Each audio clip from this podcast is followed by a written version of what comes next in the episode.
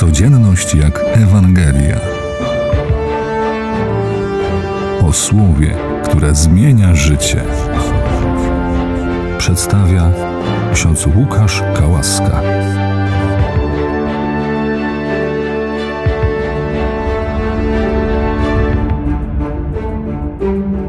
Widzimy tych wielkich bohaterów e, wiary. Widzimy proroka Symeona i prorokini Annę. Widzimy także, jak zawsze, Chrystusa w tej Ewangelii. Ale ta dwójka była e, szczególnie konsekrowana dla Pana. Ta Ewangelia mówi, że zostali całkowicie oddani, całkowicie poświęcili się, przeżywali fascynację Panem Bogiem, oddali się całkowicie dla posługi, dla świątyni.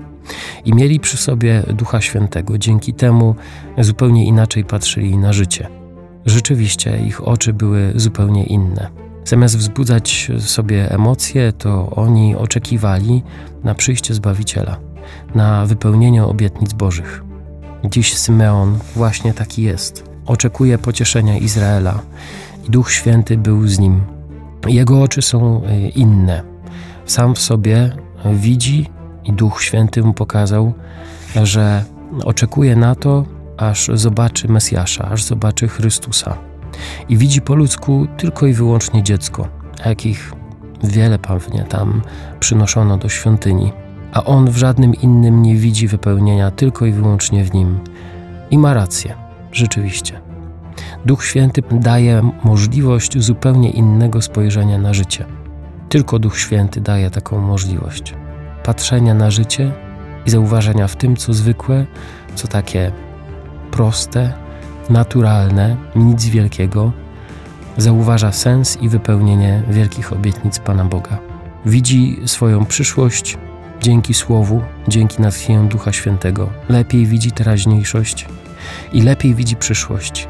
I tą przyszłość widzi świetlaną, chociaż w trudnościach, chociaż w cierpieniu, to on widzi, co przyniesie to cierpienie na Matkę Bożą, która stoi obok. Mówi, że Twoje serce miecz przeniknie. Po co? Po to, żeby wyszły na jaw zamysły serc wielu, aby przynieść zdrowie, aby w zmąconym, utrudzonym, bezsensownym świecie okazać to, co jest najbardziej wartościowe.